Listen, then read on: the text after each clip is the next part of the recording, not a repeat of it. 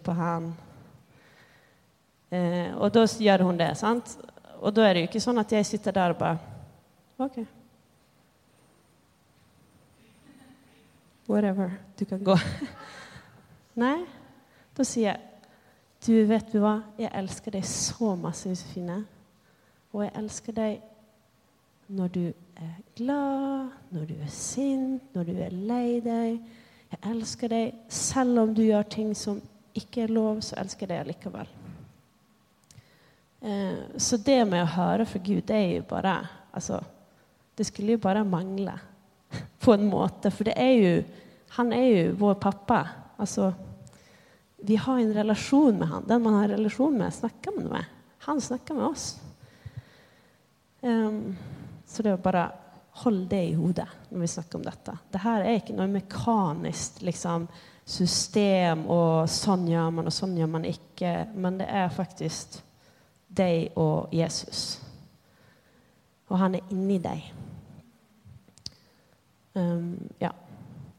Så den profetiske gaven eh, Jeg måtte faktisk google profetia, hva det betyr. For jeg tenkte Vi bruker det ordet, men det, veldig, det kan være et veldig rart ord for de som ikke eh, er kristne. da. Og vi tenker jo at dette som vi underviser her, er jo noe som vi skal gi videre. Så hvis du syns at det her er, ja, men det her har jeg hørt før, det her er veldig basic, så må du bare ta det som OK, dette skal jeg lære meg. Sånn at når folk begynner å bli frelst, når mine venner blir frelst, så vet jeg hva jeg kan si til dem om det å høre fra Jesus. Eh, for det tenker jeg er viktig å lære seg ganske tidlig når man er en baby i Guds rike.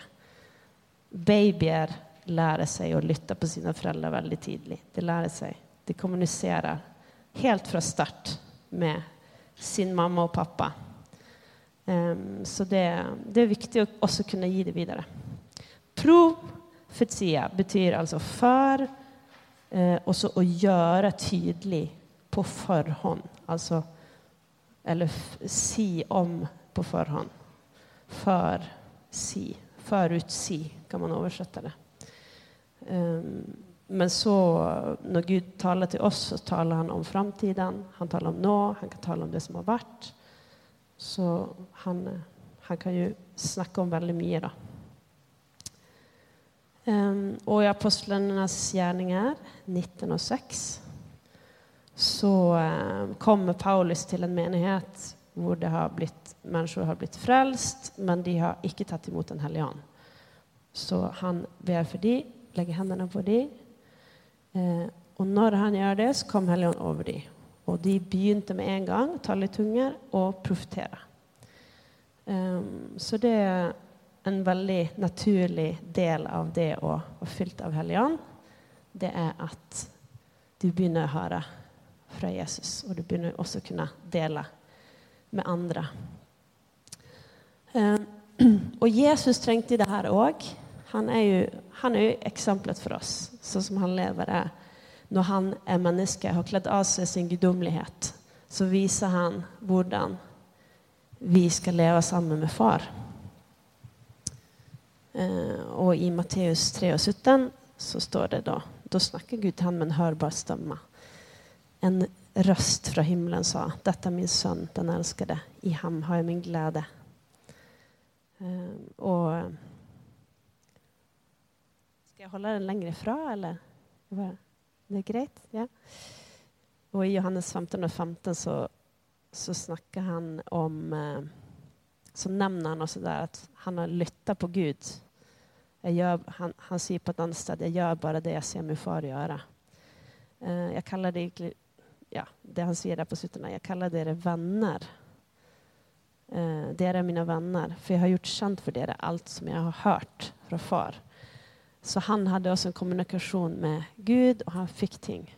Han eh, hørte fra Gud, og han delte det han hørte, med sine disipler.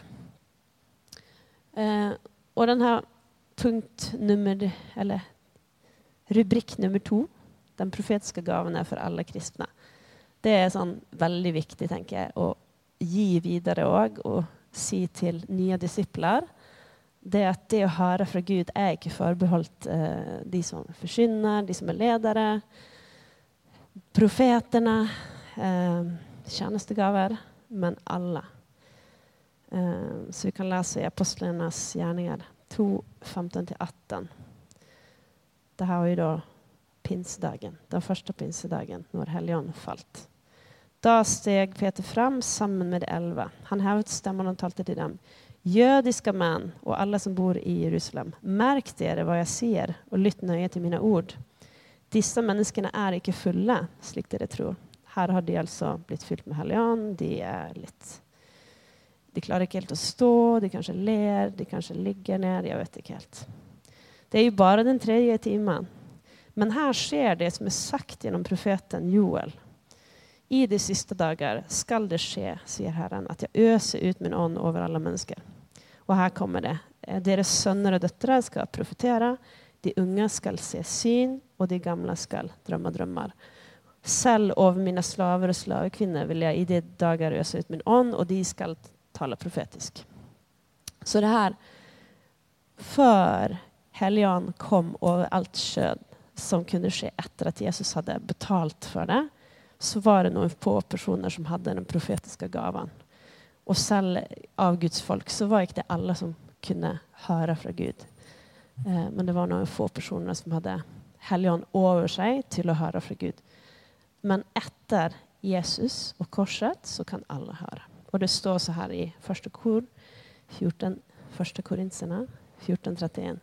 For dere kan alle tale profetisk en om gangen, slik at alle kan lære å bli oppmuntret. Uh, og Jesus snakker om, uh, om, seg selv og sin relasjon til oss i uh, Johannes 10. Sannelig, sannelig, jeg sier dere, den som ikke går inn til saueflokken gjennom porten, men klatrer over et annet sted, han er en tyv og en røver. Um, men den som kommer inn gjennom porten, er geiter for sauene. Portvokteren åpner for han, og sauene hører stemmen hans. Han kaller sine egne sauer ved navn og fører dem ut. Og når han har fått ut alle sine, går han foran dem, og sauene følger han fordi de hører stemmen hans. Men en fremmed følger de ikke. De flykter fra han fordi de kjenner ikke en fremmed stemme. Um, så han er jo den gode hyrden. Så det er helt naturlig at han snakker til oss, og vi kjenner hans stemme.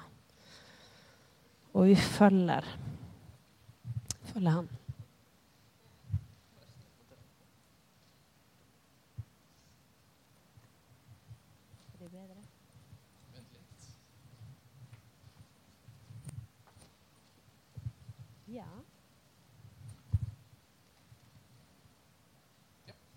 Hallo, hallo. Hører dere meg? Nei. Fortsett. Det ser ut som at OK, nå Ja. Jeg bare lurte på om det var litt batteri eller noe. Ja. Hvordan snakker Gud til oss? Um, det finnes to greske ord som pleier å brukes um, og oversettes til ord, ordet eller Guds tale i Det nye testament. Ordet 'logos' kan beskrives som det skrevne ordet. Eh, ord som man kan lese. Og det refererer ofte til Bibelen, eller det som er skrevet ned. Som for oss da er Gamle testamentet, nye testamentet. Eh, så fins det et annet ord som heter rema. Det kommer fra pust. Um, og noen ganger samme ord som brukes for ånd og Guds pust. Um, kan beskrives som at orden, ordet gjort levende, et ord fra Gud som taler direkte inn i ditt liv i rett tid. Mange av dere har hørt de her forklaringene. Og Gud snakker jo til oss først og fremst gjennom Bibelen. Um, og det er liksom Det tenker jeg når en person har blitt frelst, de har tatt imot, de har omvendt seg, de har døpt seg, de har fått Hellig Ånd så er det starten av disippelgjøring. Det er Bibelen, Bibelen, Bibelen. Ta fram Bibelen, les Bibelen sammen. Eh, bli kjent med Bibelen. Og vi som har vokst opp i kristne hjem og lest Bibelen siden vi var små, vi tar det litt for gitt. Altså vi kanskje sånn Ja, ja, men det er ikke så viktig. Det viktigste er å høre fra Gud sånn direkte. Eh, men jeg tror faktisk det kan være fordi du har så mye Bibelen i deg. Du har så mye av Guds ord i deg. Så Gud bruker Guds ord når han snakker til deg òg. Eh, med nye disipler som aldri har åpnet en bibel. Så bare henvis til Bibelen. Les Bibelen, les Bibelen. Eh, og så kommer Gud og begynner å tale til dem gjennom det som de leser. Eh, Men det er veldig viktig. Så, og Gud kan jo Altså et logos-ord som vi leser i Bibelen, det er jo logos. Det kan bli til et rema. Og det betyr at det, det løftes opp, og du plutselig bare Det treffer deg. Det taler rett i livet ditt. Og jeg vet at mange av dere har opplevd det mange ganger. Um, som det står da i Timoteus, 2. Timoteus 3, 16. Må huske at det her spilles inn, så jeg må lese det. Hele Skriften er innåndet av Gud og nyttig til lærdom, til overbevisning, til rettledning, til opptuktelse i rettferdighet. Så det er Guds ord. Og Jesus, han kunne Guds ord. Han leste Toraen når han fikk mulighet. Han gikk, i, han gikk i synagogen, og han hørte på ordet. De leste ordet der. Um, han gikk sikkert sånn her uh, skole sant, da han var liten gutt og lærte seg Toraen. Så når han uh, blir fristet i ørkenen, så siterer han fra Toraen. Altså fra Gamle testamentet, da. Det som er vårt Gamle testament. Og så snakker han Alt han sier til, til Satan, er Guds ord. Det leste ordet. Og det er veldig spesielt, for han er jo Jesus. Så han kunne jo på en måte bare finne på å si sine egne ting. eller sånn, Alt han sier, er jo Guds ord, for han er jo Gud. Men allikevel så, så var det en åndelig kamp sant, som han var i.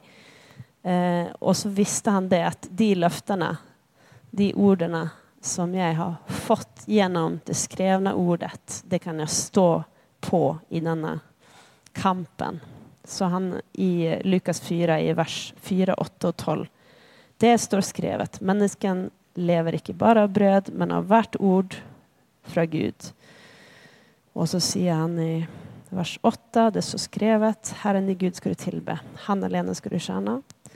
I vers 12, det er sagt, du skal ikke friste Herren i Gud. Så Bibelen er kjempeviktig. Eh, og jeg tenker Når man leser Bibelen jevnlig og daglig og hele tiden, så, så er det på en måte som at du får et språk som Gud kan bruke når han snakker til deg. Eh, og han, han, kan minne deg om ting du har lest. Og Noen ganger når Gud sier ting til meg så er det i tankene, og så blir det litt sånn Var det virkelig Gud? Eller sånn, hmm. Og så spør jeg Helligånd, da. Ja, men gi meg et bibelvers. Eller gi meg et eller annet som står i Bibelen som kan referere til det du sa nå. Sånn at jeg er helt sikker på at det var det, det, var det du mente. Og det gjør han ofte, det. Um, noe som relaterer. Så derfor er det viktig. Les Bibelen. Uh, men Gud kan også snakke utover Bibelen. Han kan si ting som ikke direkte er i det skrevne ordet. Sant? Noen som har en telefon.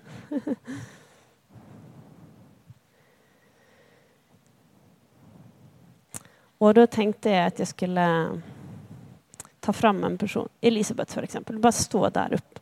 Bare stå der med lyktene. Og så eh, skal jeg snakke til deg. Eh, og så må du gjøre det som skal til for at du skal høre meg. Okay?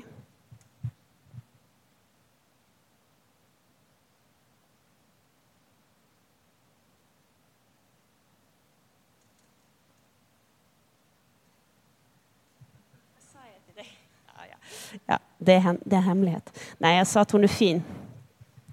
Men eh, hvorfor snakker Gud så stille iblant?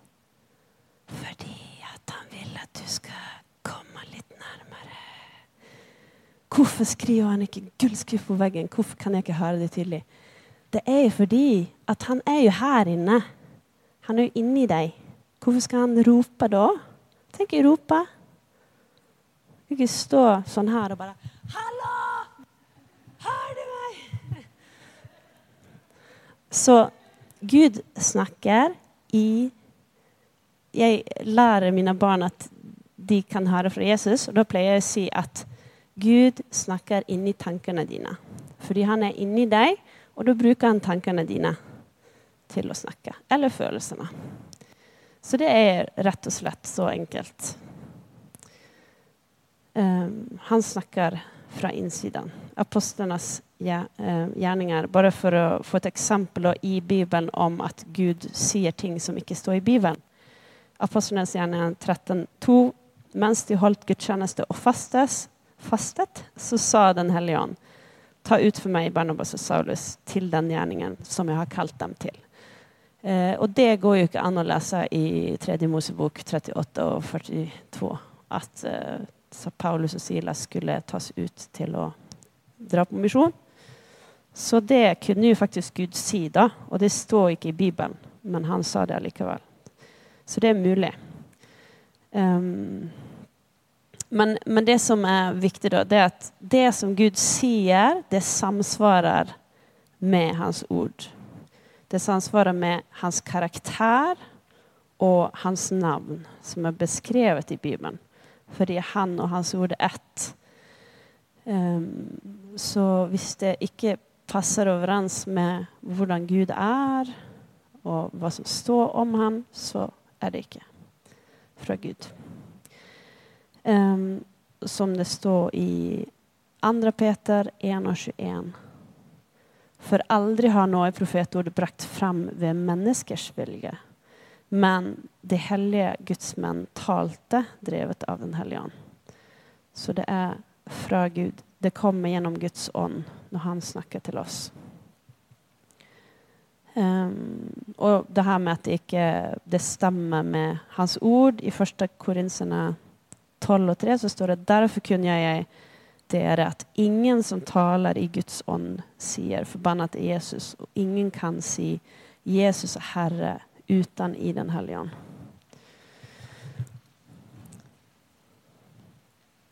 Um,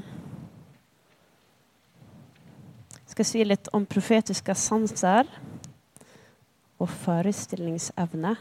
Tidligere kalte jeg det for fantasi, men jeg lærte meg et nytt bruk av ordet. For jeg har hatt en forkynnelse om dette. Imagination, for forestillingsevne. Men vi snakker først om sansene og må, forskjellige måter som vi kan høre fra Gud. Det første er Bibelen, sant? og at vi leser Hans ord, og han minner oss på det.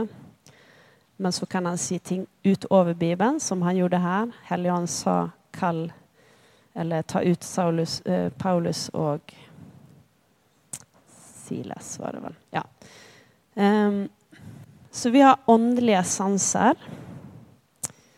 Uh, og vi kan lese om forskjellige måter som Gud snakker til personer i Bibelen. Uh, det er også uendelige vitnesbyrd av alle oss og alle kristne i alle tider om måter som Gud har snakket om, snakket med personer om. Så man kan på en måte grovt dele det inn i noen forskjellige kategorier. Så gå, skulle si, det meste går inn under det. Det første er ord og tanker. Jeg har skrevet øre. Du hører. Um, så tenker vi veldig forskjellig, da. Jeg tenker mer bildelig enn ord. Men noen ganger så snakker Gud med ord til meg. Som oftest er det følelser og bilder. Sånn. Men, men uh, at du har en setning, på en måte. At, at du har Jesus si noe konkret sånn da, da, da, da, da, da. Det er på en måte en, et ord eller en tanke. Um, og så har jeg skrevet liksom forskjellige eksempler på at det er også en skala på hvor sterkt det er. Det kan være veldig liksom, Jeg fikk en tanke, liksom. Jeg vet ikke om det er Gud. Og så kan det være noen ganger kan det være veldig tydelig. Og det skjedde meg noen ganger at, at jeg føler nesten at Helligånden skriker til meg. altså Litt som jeg gjorde med deg nå. At den bare 'Rebekka!' Liksom. For det er noe som er veldig viktig. Uh, han bare vil ha min oppmerksomhet. Og det er liksom det, det, Da vet jeg at det er han, på en måte, for det kommer så sterkt. Plutselig sånn. Og så er det mennesker som har hørt en hørbar stemme. Er det noen her som har hørt en hørbar stemme av Gud? Oi! Wow. Er det en av dere som vil fortelle om det? Kort, veldig kort. Ja. Ett minutt. Det var sånn at Vi hadde jobbet på senteret og flyttet ut fra senteret. Og da var det dette her med regninger. Det var ikke vi så veldig vant til. For vi bodde jo Vi hadde tjenestebolig, og vi fikk litt mat og, og sånn. Men nå skulle vi betale strøm og telefoner og alle ting, da. Og jeg satte meg på sengen med alle regningene utover sengen og, og tenkte Gud, vis meg hva jeg skal betale først. Og så var jeg veldig sliten og sovnet. Våknet neste morgen, gikk ned på badet. Og så var jeg så trøtt. Jeg tenkte hvordan i all verden skal jeg klare å komme meg på jobb? For Da var vi flyttet ut av senteret. Måtte kjøre opp på senteret. Og det var et stykke å kjøre. Og så kommer jeg inn på badet. Så hører jeg en helt tydelig stemme som sier For mye gransking tretter legemet. Hvem er her? Er det noen på badet? Og så tenkte jeg det må jo være Gud. Og så gikk det noen uker, da. Så skulle jeg på sånn uh, bønnesamling som vi hadde. sånn. Uh, vi samlet noen uh, jenter og ba sånn hver 14. dag. Og hadde kvelds og kaffe og, og sånn. Og så var det en som sa 'Jeg har fått et ord til deg, Ingunn.' Jeg vet ikke hva det betyr og om, eh, om, det har noe spesielt å si, men jeg bare prøver det. Og så sa hun jeg har fått et ord, og det er så merkelig, for det at han sier for mye gransking tretter legemet. Så sa jeg jeg vet hva det er. Amen. Kult. Det vil jeg også. Jeg vil også høre deg snakke sånn, Gud. Ja, man kan lengte. Det står at vi skal søke den profetiske gaven. Vi skal søke alle de åndelige gaver, spesielt den profetiske gaven. Og så er det bildesyner. Eh, det er det som jeg tror at Gud snakker oftest til meg, fordi jeg tenker mye sånn visuelt og bildelig, og når jeg tenker på ting, så ser jeg det som film og litt sånn. Altså Det er derfor jeg ikke kan lese avisene. Fordi at Hvis jeg leser om Norfelt, så har jeg sett det inni hodet mitt, hvordan det skjedde. og alt sånt der. Så da, ehm, da, prøver jeg å beskytte meg litt fra det. Um, så, så, det er jo indre bilde, da. Det er jo litt sånn her rosa elefant. Tenk, ikke tenk på en rosa elefant. Nei. OK. Ja. Du ser ting når du tenker på det. Og jeg tror man er litt forskjellig der. Noen ser ting på en måte hele tiden. Det er sånn man fungerer tenkemessig, da. Um, ja, og det kan være tydelig. Det kan være jeg har sett ting veldig tydelig på samme måte. At det, på en måte bare, sånn, det er rett her, på en måte. Men det er ikke fysisk. Eh, men så kan man også se åpne syner. Uh, er det noen som har gjort det? vi kan ikke ha vitnesbyrd på alt, men det er veldig greit å, det, det, er kjekt å bare få litt sånn Ja, det er folk som har sett åpne syner. Um, så det kan òg skje. Jeg tror at det ofte er sånn Dette er hva James Goll sier, at når du ser noe fysisk, så er det der. Um, så hvis du ser en engel, så er ikke det en sånn ja, det er en bilde av at du en eller annen gang skal møte en engel, men da er det faktisk at du ser at du, Gud åpner uh, dine åndelige øyne til å se den åndelige virkeligheten. Altså Hvis du ser en strøm av vann fysisk, så er det faktisk i det åndelige en strøm av vann akkurat der. på en måte. Um, ja. Og så er det følelser. Sjelen. Det, det, bruker Gud mye med meg. Jeg, noen ganger når jeg ber for mennesker, så kan jeg kjenne Guds hjerte for dem. At jeg kan kjenne liksom hans kjærlighet. Sikkert bitte litt av det. Men så prøver jeg på en måte å sette ord på det, eller så får jeg en sang, eller eh, bare liksom prøve å beskrive det jeg føler for personene. Fysiske inntrykk med kroppen. Kjenne Guds nærvær fysisk. Fysiske kunnskapsord. Eh, Alf Kåre hadde et kunnskapsord her. Det var noe han så, men han kunne også ha fått det med at han følte smerte i kroppen. Jeg har en veldig rar sånn fysisk greie som jeg syns er veldig morsomt. Og det er eh, når jeg kjenner Guds nerve, så begynner det å kile i nesen ofte. Aldri annars. Bare når jeg er Guds. Og så var det en venninne av meg som var veldig profetisk, som sa at det er luktesansen det er gaven å skille mellom ånder. Som var interessant, sa Og så har jeg fått flere sånne ting. Eh, jeg, iblant får jeg sånn kiling bak øynene. Liksom det, jeg føler at disse musklene rundt øynene beveger seg. Um, og da har Helligånd sagt til meg at det er fordi at jeg forløser Eller det, det profetiske er veldig virksomt akkurat nå. Um, og så um, Og så har jeg det siste Ja, den siste tingen jeg begynte å få, det er at jeg, at jeg av og til føler varme på skinnene. Uh, og så når, Første gang jeg kjente det, så sa Gud jeg vil helbrede følelser. Fordi at skinnet bilder av følelser. Eh, du, det rødmer og sånne ting. Så når jeg kjenner det, så på en måte ber jeg inn i det. At Gud skal forløse det, at han skal komme med sin varme og sånn. Eh, når jeg kjenner det med nesen, så er det på en måte OK, Gud, hva gjør du? Hva er her? Er sånn. Um, og det trenger ikke være at man plukker opp demoniske ting, men gavene er sjeldne. Nå snakker jeg veldig sånn Jeg håper alle forstår hva jeg snakker om. Men uh, gavene å kunne sanse om det er Gud eller djevelen, den skal oftest bruke på hva gjør du, Gud? Hva gjør du, Gud? Ja. Men uansett, det er fysiske ting. Og så kan man kjenne duft og smak fysisk. Er det noen som har gjort det? Som har kjent smak eller dufter? Ja? Spesielt?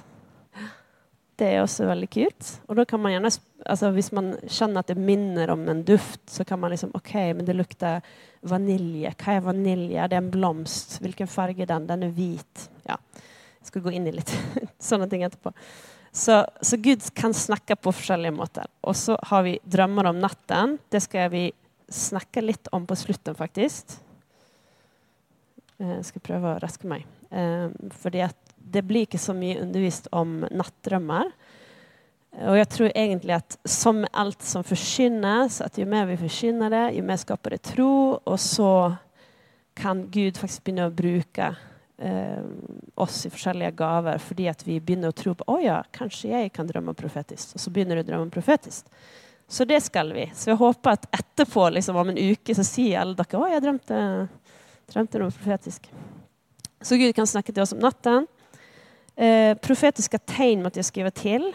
Det har ikke jeg opplevd så mye. Men det er jo da ting utenfor deg selv som du ser. Enten at du plutselig leser en rubrikk i en avis, eller du ser tall, eller det, det går en fugl over veien, eller det et eller annet som, eh, som skjer, da. Eh, Peter fikk det med han, halen, hanen, hanen som gol eh, tre ganger.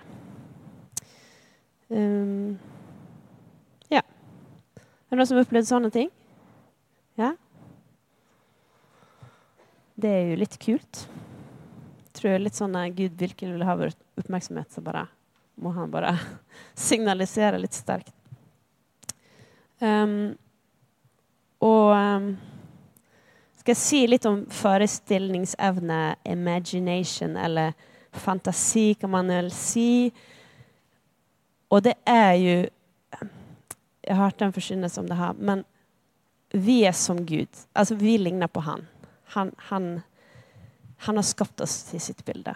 Og jeg tror jo at han er en gud som fantiserer, eller imagines things. Han ser det, si, det, står jo at han taler til det usynlige. og Han taler til det som ikke er der, som at det vore der. Og så blir det. Og det er jo det profetiske. Eh, det profetiske er jo å tale ut det som Gud vil gjøre, som han ennå ikke har gjort, og så skjer det. Eh, sånn at Forstår dere hva jeg snakker om? Jeg følte det kanskje er litt komplisert her. Når vi ser noe for oss og fantisere Jeg jeg kaller det dagdrømmer, eller forestiller oss, så kan du, du kan forestille deg inn i nedgang og motgang. Hvis du dagdrømmer om at ja, men det, her, det kommer bare å gå drit, og det her er bare dårlig eh, Jeg kan ikke gjøre denne jobben, eller alle kommer, ingen kommer like Ja, uansett. Hvis du fantiserer om sånne ting, så kan det nesten være at du går mot det. Eller det skjer ting, da. Og jeg tror at det er fordi at Gud har skapt oss i sitt bilde. Og det står også et ord i tror det er salmene eller ordspråkene at så som en mann tenker i sitt hjerte, det er han. Eh, så hvis vi kan lære oss å bruke vår forestillingsevne til å la Gud i, Altså invitere Helligånden i det eh, Og jeg, jeg pleier f.eks. å forestille meg at mine barn går rundt og ber for folk og profeterer over dem. Eh, fordi jeg tror at det er noe som Gud vil gjøre, og det kommer å skje. Og jeg tror at når jeg tenker på det, så er det noe Så ser jeg noe som kommer til å skje. Eh, og så kan jeg tale det ut og be om det og sånne ting, men jeg bare, ja, jeg bare drømmer om det. sant? Drøm om ting. Drøm om ting med Gud. Så det er det som står her, da. Så forestillingsevne, det er en kobling mellom eh, vårt syn, altså tankene, og vår kreativitet, skapende evne til abstrakte tanker. Og det er jo en evne som vi mennesker har, som jeg tror at dyr ikke har. Eh, og vi bruker den for å forstå andre mennesker sine følelser, forutse situasjoner, komme med løsninger på problemer, nye problemer, ut ifra at vi vet eh, Vi har erfaring fra andre problemer vi har hatt. Så eh, gi din forestillingsevne til Jesus og dagdrøm med Helligånd, så tror jeg at du aktiverer det profetiske. Eh, og så er bare et eksempel på at du kan også bruke det til synd. Da. Eh, for Jesus mener at det å fantisere om en kvinne som du ikke er gift med, det er å begå ekteskapsbrudd. Så det, det, fantasien er mektig, på en måte. Det er det som er poenget. Eh, så det at jeg i dag drømmer om liksom, at min kollega skal bli frelst, det er ikke bare sånn ønsketenkning, men det er faktisk Jeg tror at det er en slags profitering i det. da. Og så kan man gjerne be inn i det òg, men uansett. Så det var om det. Ja. Um, er det noen som noen gang har hørt undervisning om profetiske drømmer? Jeg bare lurer på om det liksom Nei, det er ikke så mange. Nei, det er ikke så mange. Det var det jeg tenkte.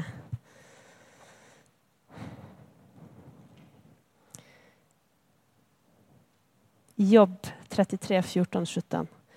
Gud taler én gang, så en gang til. Men folk merker det ikke. I en drøm, et syn om natten, når folk er falt i dyp søvn eller slumrer i sin seng, så åpner han deres ører og forsegler dem med formaning, så at mennesket skal slutte med det de gjør, og mannens hovmod blir borte. Jeg måtte bare skrive det her at um, du sover ca. en tredjedel av livet. Og det er vel litt sånn uh, Når du har småbarn, så sover du fem-seks timer. Og når du er tenåring, så sover du ti-elleve timer. Så du blir kanskje åtte sånn i snitt. Jeg vet ikke. Så når du er pensjonist, så sover du litt mindre igjen, kanskje? Mer? Ja? Det er noen som våkner tidlig. ja. Men eh, hva om eh, Gud eh, kan bruke den tiden til å snakke til deg? Jeg tror jo at han eh, liker å snakke til oss når vi sover, fordi at uh, Det er noe med ja, Jeg skal lese om det på neste side, men vår ånd er jo da Vår ånd sover ikke. Fordi Gud sover ikke. Han er ånd. Og vi er skapt med kropp og en sjel og en ånd. Og i Salme 121 og 4 så står det Se, han blunder ikke, han sover ikke. Israels vokter. Og så er det flere salmer som beskriver det å, å søke Gud om natten. Um, så jeg tok vekk noen verser, for det ble for mye. Men om natten tenker jeg på dette. Hjertet grubler, ånden gransker. Min sjel lengter etter deg om natten, står det i Jesaja 26,9. Det første var Salme 77,7. Ånden i meg leter etter deg. Så kroppen sover, og sjelen sover, eh, men ånden er våken. Eh, og søvn på en måte Søvn bedøver jo ned altså, Dette er også en grunn til at personer som ruser seg, ofte kan ha åndelige opplevelser. Fordi at de bedøver sin kropp og sitt sinn med rus. Men ånden kan de ikke bedøve. Så de kan plukke opp ting fordi at deres tankeliv, deres log logiske tanker, og kroppen er døvet ned. Sant? Men ånden er våken og får med seg ting. Eh, og sånn er det med søvn òg. Vår sjel sover, vår kropp sover, men ånden er våken. Så du kan plukke opp ting, og du kan trene deg til dette. Um, um, og det er jo ofte Det er jo også ofte derfor som folk kan plages veldig om natten. Så de klarer ikke å sove, de kanskje har mareritt eller sliter med søvn. Fordi at de får med seg noe, eller noe er plaget, plager de, eller de kanskje er på en måte bundet av ting åndelig, eh, som eh, da blir Deres ånd blir bevisst om det på natten. For da er ikke tankene der. Da, da kan de liksom ikke kutte det ut, på en måte. Så, og det er jo veldig mange referanser i Bibelen til personer som eh, drømmer profetisk. Jeg bare leser de opp her for de som lytter på eh, podkasten i ettertid. Jakob i første Mosebok 46, 2. Josef, første Mosebok 37, 9. Farao, første Mosebok 41,1. Samuel, første Samuel 3,21. Salomo, andre krønike 7, 12. Nebukadnessar, Daniel 2, eh, Daniel, Daniel 2,19. Josef, eh, Jesu far, eh, fosterfar, Matteus 2,19. Herodes, Matteus 2,19. Josef og Maria, Matteus 2,12. Paulus, apostlene 16, 9. Um, og flere av disse er faktisk eh, konger og ledere som ikke er troende jøder eller kristne eller frelst. Um, og det står jo også i denne versen at uh, den hovmod Altså at Gud snakker Han åpner deres ører forskjellige med formaning. Så eh, noen av de synene som de her lederne har, er faktisk advarsel. Drømmer og syner hvor Gud sier til dem at hvis du dreper min salvede, så skal dette skje med deg. Eller ikke gjør dette eh, da skal det gå deg ille. Så Gud kommer faktisk til de her lederne om natten for å stoppe dem, rett og slett. Um, og jeg tror, Hvorfor gjør han det? Hvorfor gjør han ikke det på dagen? Ja, han, han, kan sikkert gjøre det på dagen, men jeg tror at det er akkurat det som vi snakket om. De er mer åpne for det åndelige når de sover. På dagen så har de veldig mye her som blokkerer for å høre fra Gud. Men på natten så er de tilgjengelige for Gud til å snakke til dem. Så det her er ikke-kristne personer som ikke kjenner Jesus, og de får drømmer fra Gud på natten. Og det er mange eksempler i Bibelen. Um, så vi bare sier litt kort om drømmer før vi før Kåre skal ta over, at vi kan aktivere oss litt. Um, og det her Disse tingene Nå har ikke jeg sant, spesifikke bibelvers her. Det kunne jeg sikkert funnet frem. Um, det står ikke mye om andre typer drømmer og sånn, men um, jeg har hørt en del undervisning og lest uh, personer som vi har tillit til. James Gall, John Paul Jackson, uh, som virkelig lever nær Jesus og uh, har på en måte undervist om det profetiske i mange titalls år. Um, og både praktisere det og, og liksom trene andre i det og se frukten av det. Så det her på en måte ikke Rebekkas uh, opplegg av sånne her type drømmer finnes. Sant? Men det finnes tre, i hovedsak tre typer drømmer. da. Uh, og den uh, vanligste som vi ofte kjenner til, er jo sjelelige drømmer. Um, og det er jo på en måte hjernen som bearbeider dagen. Du drømmer gjerne om situasjoner du har vært i, situasjoner du ofte er i, personer du ofte er med. Men det er faktisk sånn at de her drømmene også kan bety ting som vi ikke helt er klar over alltid. Eh, de kan vise eh, hva som skjer i livet ditt, hva du har i ditt hjerte, og hva status, på en måte. The state of your soul. Um, og det er jo altså, I drømmer så er det my mye symbolikk. Um, jeg skal Etterpå, for de som vil, så, så er det en sånn uh, papir som dere kan få om symbolikk. Hvorfor er det symbolikk? og sånn. Jesus snakker kjempemye med symbolikk. Han snakket jo med symbolske bilder hele tiden. Så det profetiske er veldig mye symbolikk, og Gud bruker symbolspråk veldig for å snakke til oss. Eh, drømmer spesifikt er ofte symbolspråk. Eh, så det er sjelden at det akkurat det du drømmer, betyr at den personen kommer til deg og gjør det. Det vil skje akkurat sånn. at den personen, Men det betyr ofte noe annet. Eh, den personen representerer noe. Det at de gir deg penger, trenger ikke bety penger, men det kan bety noe velsignelse eller ja, sånne ting. Da. Men uansett. Så derfor så kan man drømme om ting som er sjelelige drømmer. Um, jeg har skrevet noen eksempler her. Flyplasser som ofte er et bilde av at du er i en periode i livet hvor det er forandring på gang. Du skal fra et sted til et annet. Bilreiser, bil ut fra Høyesangen, der det, eller det er noen forskjellige, bil, forskjellige plasser i Bibelen som beskriver vogner. Så bil betyr, altså, står for tjeneste, eller det å gjøre tjeneste for Gud. Eh, så hvis du drømmer mye om bil, at du kjører bil at du, altså, Jeg hadde en periode bare for å ta et eksempel, så hadde jeg en periode hvor eh, jeg la vekk alt av tjeneste fordi Gud sa det. Og så drømte jeg veldig mye om biler. At jeg kjørte bil. Jeg kjørte bil, jeg visste ikke hvor jeg skulle. Jeg kjørte feil, jeg kjørte rundt, og det var masse kjøring.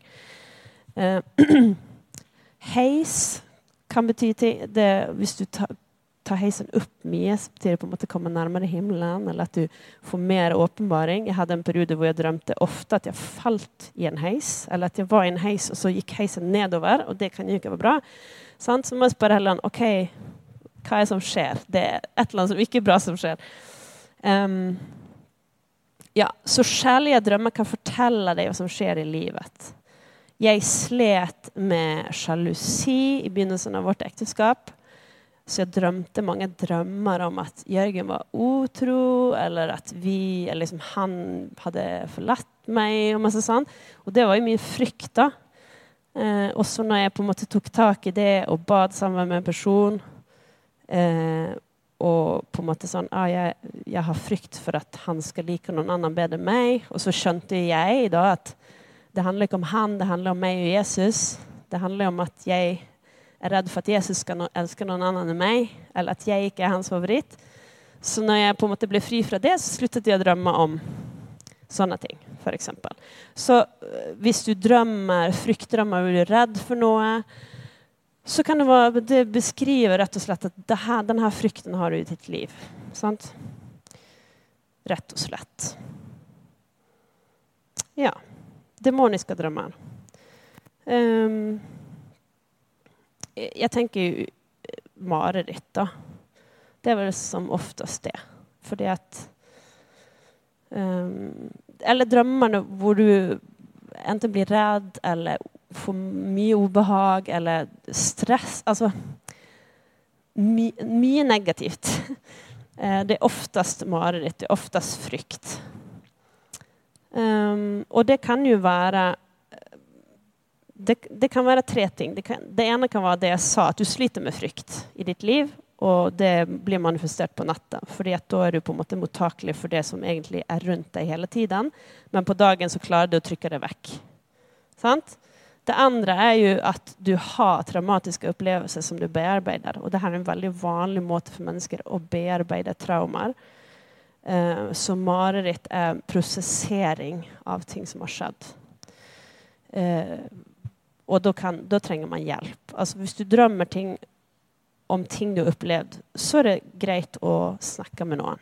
Det er på en måte nivået av Du klarer ikke helt å håndtere det eh, på egen hånd, tenker jeg. I hvert fall hvis du sliter veldig med mye mareritt. Eh, så kan det være ting som du trenger å jobbe med, av ting som har skjedd. Men det kan også være rett og slett attacker fra fienden for å slå det ut. Uh, hovedtanken som jeg har om mareritt, også med barna, det er at det, jeg behandler det som sykdom. Altså, Gud vil ikke at vi skal ha mareritt. Han har ikke skapt oss som mareritt. Vi skal ikke ha det. Det skal ikke være der. I Jesu navn, gå vekk. Uh, hvis, og det har jeg praktisert med barna. Når de våkner og er redd, så, jeg, så av og til spør jeg hva de har drømt. og så Hvis det var noe skummelt, eller sånt, så sier jeg men vet du, når du har Jesus inni deg, så skal ikke du drømme skumle drømmer. Så nå skal vi be til Jesus at han skal ta vekk de skumle drømmene. Eh, og så ber, jeg for dem hvis de er våkne. Ja, og så har jeg bedt mye for dem på kveldene og sånn, at de ikke skal ha mareritt. Og de har nesten ikke mareritt. Altså, eh, det er vanlig at barn har mareritt. Barn er veldig åndelig sensitive, for de har ikke eh, Barn er åndelig sensitive fordi at de har ikke blitt trent i å ikke være åndelig sensitiv. Som alle vi skandinaver har. Sant? Så de drømmer ofte. Um, så hvis du er forelder, så må du bare ikke akseptere at barn har mareritt. Selvfølgelig. Og det er som med sykdom. Det skjer jo. Sant? Um, på en måte.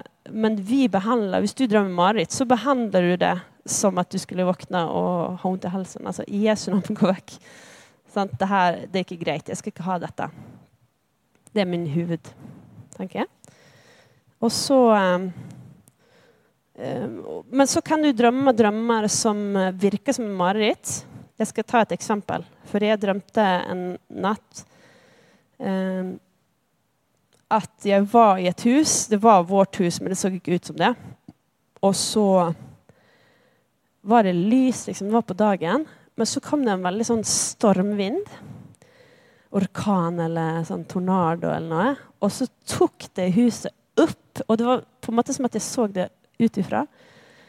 Og så bare gikk huset rundt, rundt, rundt og ristet. Og så ned igjen. Og så tenkte jeg Og så ble jeg redd, og så tenkte jeg hva skjer med barna? De lå jo og sov i sine senger. Men så, og så er jeg inne i huset, og så ser jeg at allting er intakt. Ingenting er ødelagt. Og så bare OK, det var jo veldig spesielt. sånn. Og så skjedde det en gang til. At huset ble tatt opp og ristet rundt. Uh, og så kom det tilbake igjen. Og så, og så, en gang til så så jeg at ingenting var ødelagt. Og så ble det sånn Wow, det, det, gikk bra. Det gikk bra. Og så våknet jeg og hadde liksom fred, på en måte. Um, men i begynnelsen av drømmen var jeg redd. Ja. Og dette var et ord til meg som Gud kom med når det skjedde noe veldig sånn stormig som jeg ikke skal gå inn på, i, altså rundt meg og Jørgen. Um, og når vi står i den situasjonen, og jeg har masse frykt og masse stress bare Hva i hele verden er det som skjer? Hva skal jeg gjøre? Og klarer ikke å få fred. Det var faktisk en hel dag som jeg ikke klarte å få fred i den situasjonen. Jeg hadde masse frykt. Og så la jeg meg i sengen på kvelden og bare Gud, du må snakke til meg. Du må snakke til meg jeg, jeg, klarer ikke å tenke en fredfull tanke. Eh, og så sa han bare den drømmen. Eller bare minnet meg om den drømmen. Og så husker jeg drømmen, og så bare fikk jeg total fred. Og så gikk alle følelser av frykt vekk. Og så bare Det kommer gå bra. Sant? Så han snakket til meg på forhånd, for han visste at det skulle komme en situasjon som jeg skulle føle som at hele mitt liv var opp ned.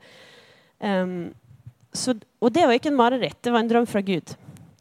Så det kan uh, være drømmer fra Gud som virker som en mareritt. Så forskjellen, da I en demonisk drøm så blir du ofte redd, og du våkner med en uggen følelse eller skrekk.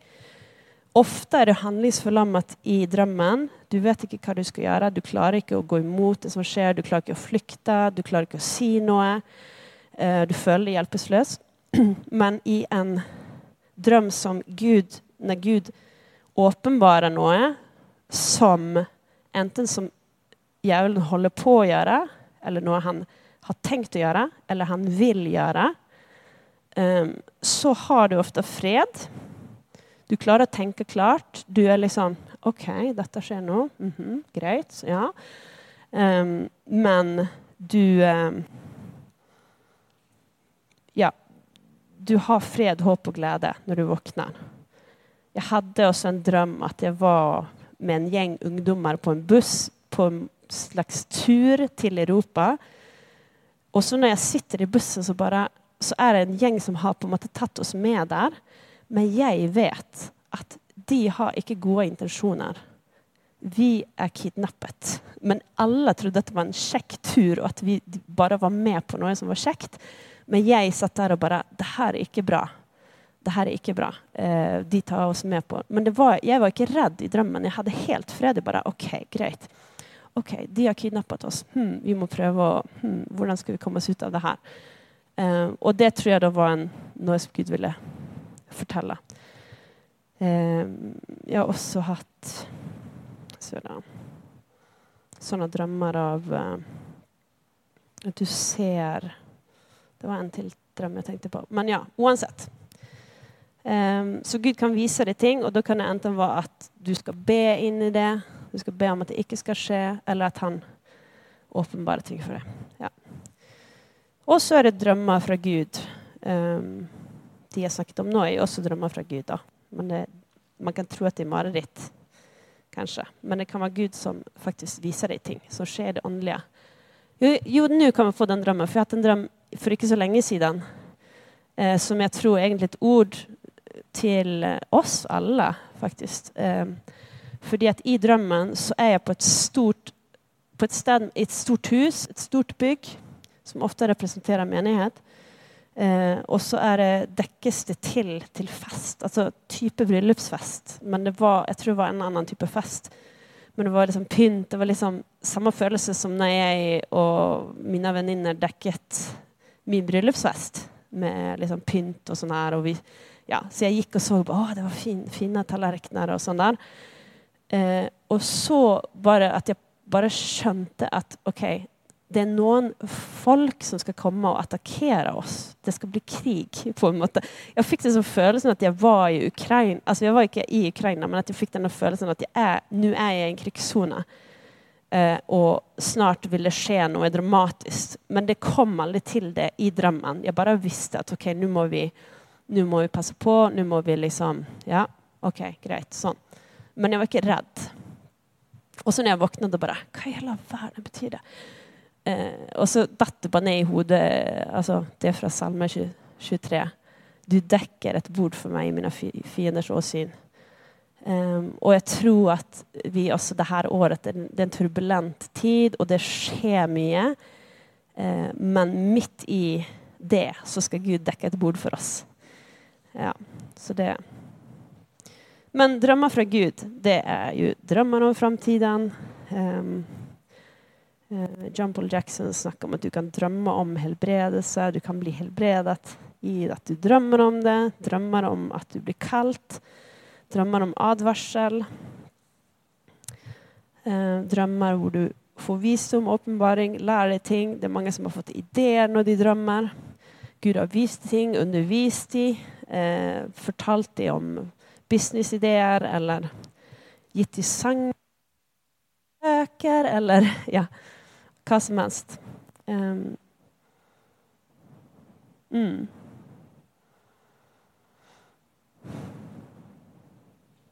Ja. Jeg kan ta en til eksempel. For å, altså, jeg deler disse eksemplene for å på en måte bare sånn Hvis du aldri har hørt om profetiske drømmer, bare hvordan man kan tenke da. Um, og når jeg, tolk, når jeg, tolker drømmene, så, så gjør jeg det sammen med Hellian. Jeg har hørt mye undervisning og lest mange sånne liksom vanlige ting. Dette betyr ofte det, og sånne ting. Så jeg gjør det ikke bare sånn. Det er ikke sånn Rebekka bare tolker randomly. Og så snakker jeg gjerne med folk som, eh, som er profetiske, og som selv drømmer profetisk. Og så kan man på en måte snakke sammen. men det viktigste når man tolker drømmer, det er jo at Gud faktisk Helligånden er det som sier det. For det er ikke sånn at automatisk ja, men hvis det er en bil, så må det bety tjeneste. Det kan jo være at det betyr noe annet, men du må høre Helligånden. Du må høre hva Gud sier. Eh, men eh, når jeg var i den sesongen hvor, hvor jeg måtte legge ned på en måte alt med Jeg ikke legge ned, men jeg måtte legge ned tjeneste, da fordi at det var en avgud, basically. Eh, så drømte jeg at jeg så eh, Det var vår bil, men det var en svær Tesla. Men det var min og Jørgen sin bil, tydeligvis. Og så kjørte den, og så sto den midt i en rundkjørsel. Og på en måte bare sto helt i ro. Og hadde ingen steder å dra. Det var bare liksom udefinert hvor den skulle hen. Og så bare gikk den opp i oppløsning som sånn her, I tusen bare biter sånn fladret opp. Eh, men så var det en, et papir som ble igjen. Eh, og det var verdien på bilen. Og jeg tror det var 200 300 000 eller noe sånt. Og så tenkte jeg i drømmen at det her må jo vi Altså, den må jeg beholde, for det kan jo vi få tilbake på forsikring, liksom på en måte. Og så var det som i drømmen at, at, jeg skjønte veldig tydelig at den summen kommer vi til å få. Fordi at den bilen har gått i oppløsning. Sant? Så for meg var det et ord om at nå har du gitt meg din personlige tjeneste. Eller på en måte du har gitt det opp. Men, og du føler at du har mistet det. Du vet ikke hvor du skal. du føler at alt, altså For jeg var i en veldig sånn sesong. Det var veldig sånn håpløst for meg. Eh, det føltes veldig håpløst. Eh, men Gud ga meg det, den drømmen, så kunne jeg henge meg fast i OK, det kommer og kommer belønning ut av dette.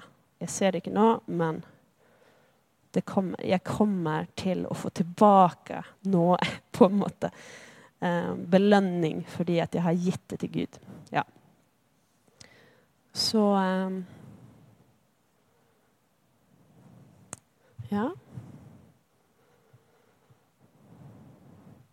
Er det noen som uh, ja, ja, eksempler òg. Eller spørsmål, tenker jeg. For det Jeg syns det er greit å bare høre litt uh, men, men, hvis du har en drømmeksempel, kan du gjerne komme fram og fortelle. Ja, det kan du. Um, jeg tenker liksom at det er greit med litt sånn interaction. Så du kan dele noe?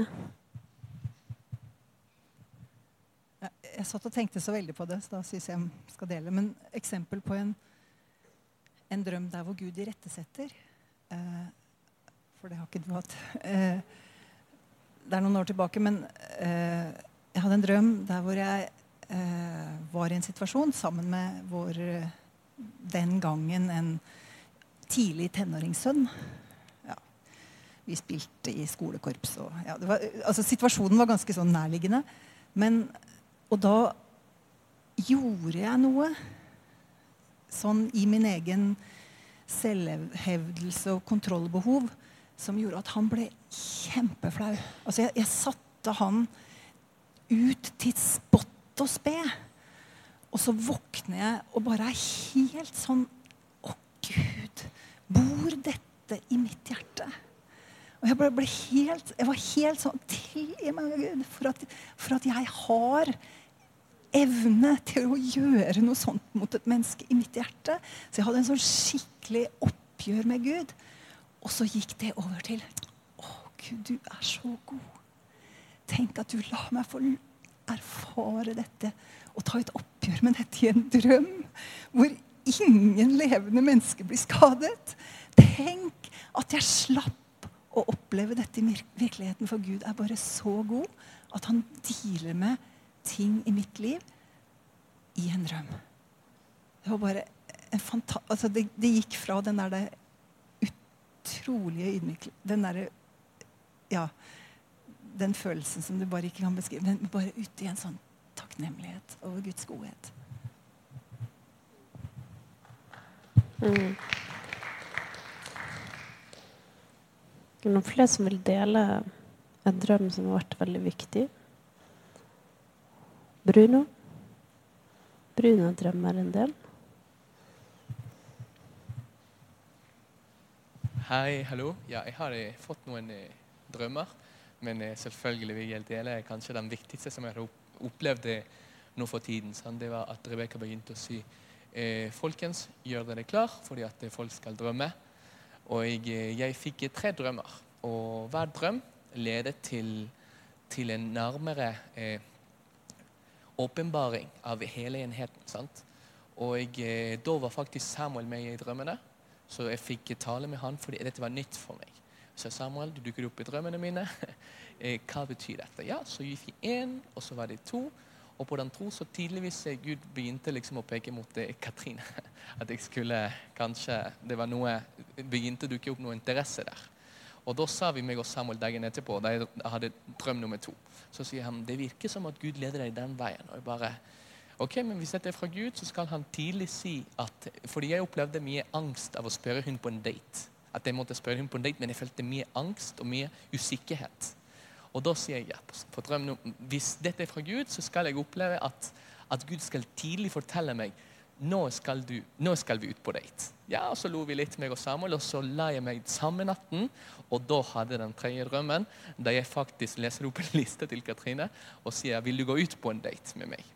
Og når jeg våkner altså det, Jeg fikk tre drømmer. Jeg fikk en eh, eh, Hva var det jeg fikk først? En, eh, en, og så fikk jeg en advarseldrøm også. Den trenger vi ikke dele. Det er ikke så fint å dele et advarseldrøm, men jeg fikk en. Og når jeg våkner, så våknet jeg forelsket og tenkte Det er hun. Hun jeg har bedt for. Men jeg kjenner ikke hun. jeg har så vidt sett hun. Eh, jeg vet at hun styrer lyd, lys, og hun er høy og litt stille. Men eh, jeg vet ikke så mye om hun, egentlig. Men jeg visste det var hun. Og da kjempet jeg mot den tanken. Tenkte nei, men du, dette kan dette er helt galskap. Også. Jeg, skal, jeg skal på en måte definere kan, det viktigste valget i livet mitt ut av en drøm. Men det var så ekte når jeg våknet. Det var den følelsen som var der. Det var helt, eh, helt eh, Noe jeg ikke kunne skapt av meg sjøl. Og da, og da idet jeg sa OK, det, det er det, og så begynte ting å komme etter hvert. Og bare eh, bokstavelig talt gå i ferdiglagte gjerninger. Kult.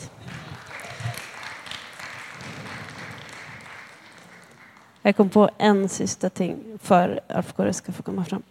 Ehm, det Jeg kan ofte ha drømmer hvor det skjer noe litt, sånn, litt negativt, og så responderer jeg i drømmen med å forkynne Guds ord.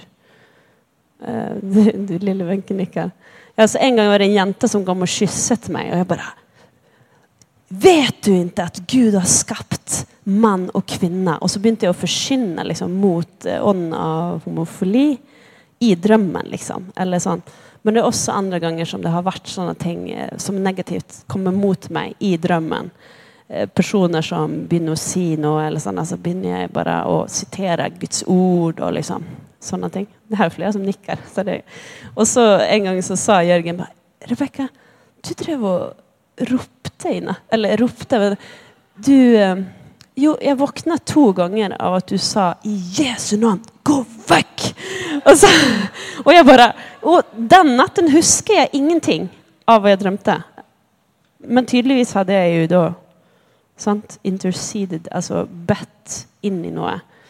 Uh, så jeg, jeg, jeg var Å, Jesus, du må bruke meg på natten. Altså, vær så snill. Jeg har ikke tid til å be så mye tid som jeg vil sant, på dagen. Fordi jeg har jobb og småbarn og hele rullene. Men jeg har jo forsvingende seks-syv timer hver natt. Tenk om Gud kan bruke meg der. Tenk så mye jeg kan gjøre sammen med han på natten hvis han bare kan aktivere meg i forbønn og bare be inn i ting og bryte av ting. Sånn. Så det vil jeg absolutt. Så Jesus gjør det. Eh, så det er en sånn oppmuntring. da. Og hvis du vokser i dette og liksom syns det er rart, aldri har hørt om det eh, og er usikker og sånn Dette er liksom et område hvor du ikke går alene. Du går sammen med noen. Sant? Så, eh, og som er alltid med, med det profetiske. Jeg har skrevet det på den her som dere skal få. Kjenn din bibel.